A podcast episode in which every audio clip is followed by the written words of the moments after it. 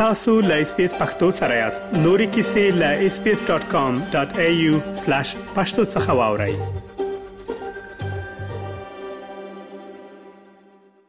د اس بي اس رادیو د پښتو خبرونه محترم اوریدونکو وخت مو په خیر رحیم الدین اوریا خیل یم له افغانستان نه تاسو ته د افغانستان او سیمې د تیر یوې ونې مهمه پیښه وړاندې کوم هیله ده چې تر پای مې ملتیا وکوي د طالبانو سرپرست حکومت دفاع وزارت تیر اونۍ ادعا وکړه چې له پاکستان سره پر پوله د ډیورن فرضي کرښې په اوږدو کې څه باندې سل پوستې جوړې کړې دي. طالب چارواکو وویل چې دغه پوستې یې د دفاع وزارت د سرپرست محمد یعقوب مجاهد په امر په هغه سیمو کې اچولي چې د پاکستان له خوا به هدف ګرځیدلې. طالب چارواکو وویل چې د پوستو جوړولو سربیره پوستو ته څیرمه د څو سړکونو درغولو کار هم پیل شوی دی.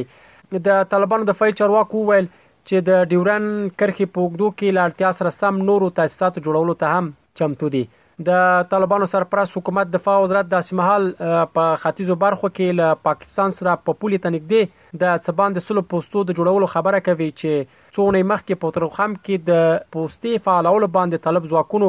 او پاکستاني پولساتي نښته وکړه چې دواړو لوریو ته مرګ ژوبله واوښته. تر دې وړاندې هم طالبانو له پاکستاني پولساتو ځواکونو سره د افغانستان په ختیځو او جنوب ختیځو سیمو کې د پوستو او تاسیساتو پر سر نښتې کړي.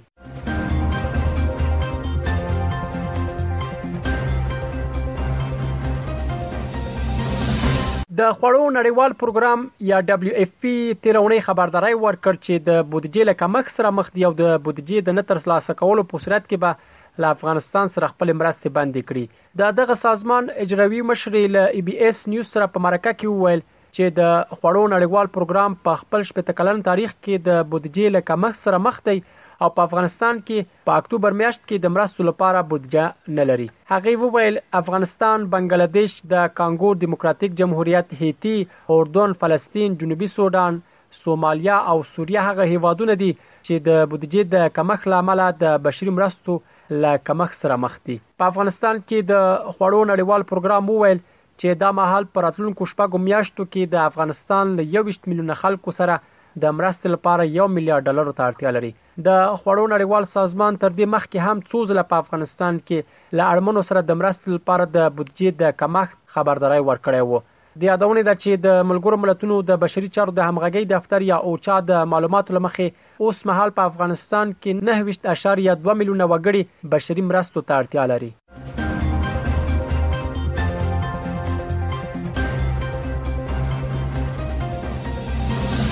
د اسیا پراختیایي بانک تیر اونۍ له افغانستان سره د څلور سوه میلیونه ډالرو مرسته تصویب کړه. د اسیا پراختیایي بانک د سپټمبر په شلمه وویل چې دغه تازه مرسته د زیانګلو افغانانو د لاسنیوي په تیره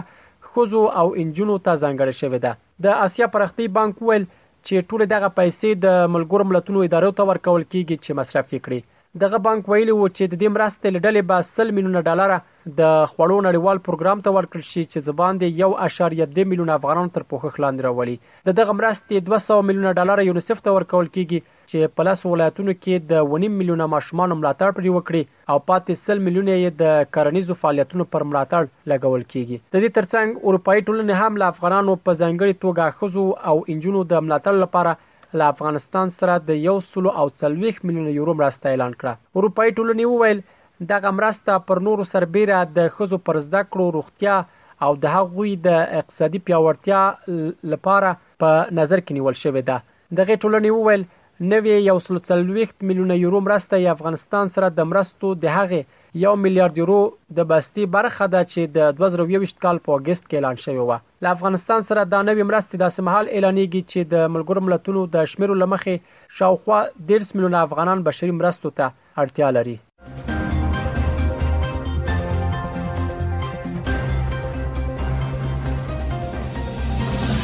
د تاجکستان او ایران ولسمشرانو تیر اونۍ په افغانستان کې د ترهګرو ډلو فعالیتونو په اړه اندېښنه ښکاره کړه د تاجکستان او ایران ولسمشران چې د ملګرو ملتونو په عمومي اسمبله کې د ګډون په هدف نیویارک ته تللي د همدې اسمبلې په څنډه کې یو بل سره وکتل دواړو مشرانو له ترهګرۍ سره د مبارزې په برخه کې د همغږۍ او افغانستان کې د ثبات په هدف د ګاونډیو هیوادونو د بهرنیو چارو وزیرانو د ګډو غونډو پر اړتیا ټینګار وکړ. په همدې حال کې د قطر امیر شیخ تمیم بن احمد الثني بیا د ملګرو ملتونو غونډې ته په وینا کې وویل، هیواد یې د افغانستان په تړاو د نړیوالو د هڅو د ډیریدو غوښتونکی دی. هغه وویل، په افغانستان کې بشري بحران باید د طالبانو لخوا سم مدیریت شي او ټینګار یې وکړ چې دغه هیواد باید د ترهګرو په خوندي پټنځای بدل نه شي. د ملګرو ملتونو په عمومي غونډه کې د نړۍ یو شمېر نور مشران هم د افغانستان پر وضعیت خبرې وکړې. د ترکیې ولسمشر رجب طیب اردوغان وویل، افغانستان له لوی بشري ناورین سره مخامخ دی. اردوغان وویل، په افغانستان کې د یو پراخ بنسټه حکومت په جوړېدو سره ثبات ته لاره هوارېږي. د یادونې ده چې دا په پرله پسې توګه دویم کال دی چې د ملګرو ملتونو د عمومي اسمبلې پر مهال د افغانستان څوکۍ خالي وي. په ملګرو ملتونو کې د افغانستان د تېر جمهوري نظام استازو په عمومي اسمبله کې ګډون نه و کړی او د طالبانو استازو ته د ملګرو ملتونو سازمان کې ځکه اجازه نه ورکوي چې تر اوسه حکومت یې په رسمیت نه دی پېژندل شوی.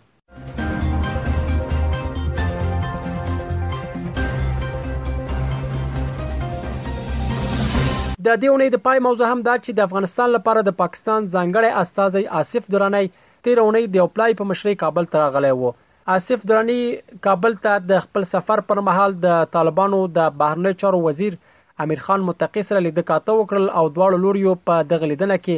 پر امنیتي مسایلو، پاکستان کې د افغان کډوالو پر نیولو او د تګ راتګ پر لارو د جوړو شویو خنډورو د لرې کولو او د ستونزو د مخنیوي په اړه خبرې اترې وکړې. د دراني په مشرۍ پاکستاني پلاوی داسې مهال کابل څخه لیدنه کوي چې تېره اونۍ د پاکستان سرپرست صدراعظم په یو لیک کې د طالبانو له رئیس الوزرا څخه د دواړو هېوادونو د اړیکو د پیاوړتیا غوښتنه کړې وه. د پاکستان سرپرست صدراعظم تر دې لیک وړاندې په یوه ټلویزیوني مرکه کې ویلي ول چې د پاکستان په ګډون د نړۍ هېوادونه اوسمهال د افغانستان له یو مشروع او ټولګډونه دولت سره مخامخ نه دي. هغه په غیر مستقیم ډول د طالبانو سرپرست حکومت غیر مشروع بللی و. د یادولو ده چې د طالبانو او پاکستان سرحدي نښتې په پاکستان کې د ناامنۍ زیاتوالی او ځینې نور موارد په وروستیو کې د دواړو لوریو پر اړیکو منفي اغېز کړی دی. دا ول د افغانستان او سیمې د تېر یوې اوونۍ مهمې پېښې چې ما تاسو ته وړاندې کړې. تر بیا ښې چاره اس پی اس پختو په فیسبوک کې تا کې پلی مطلب یو فاک کړئ نظر ور کړئ او له نورو سره شریک کړئ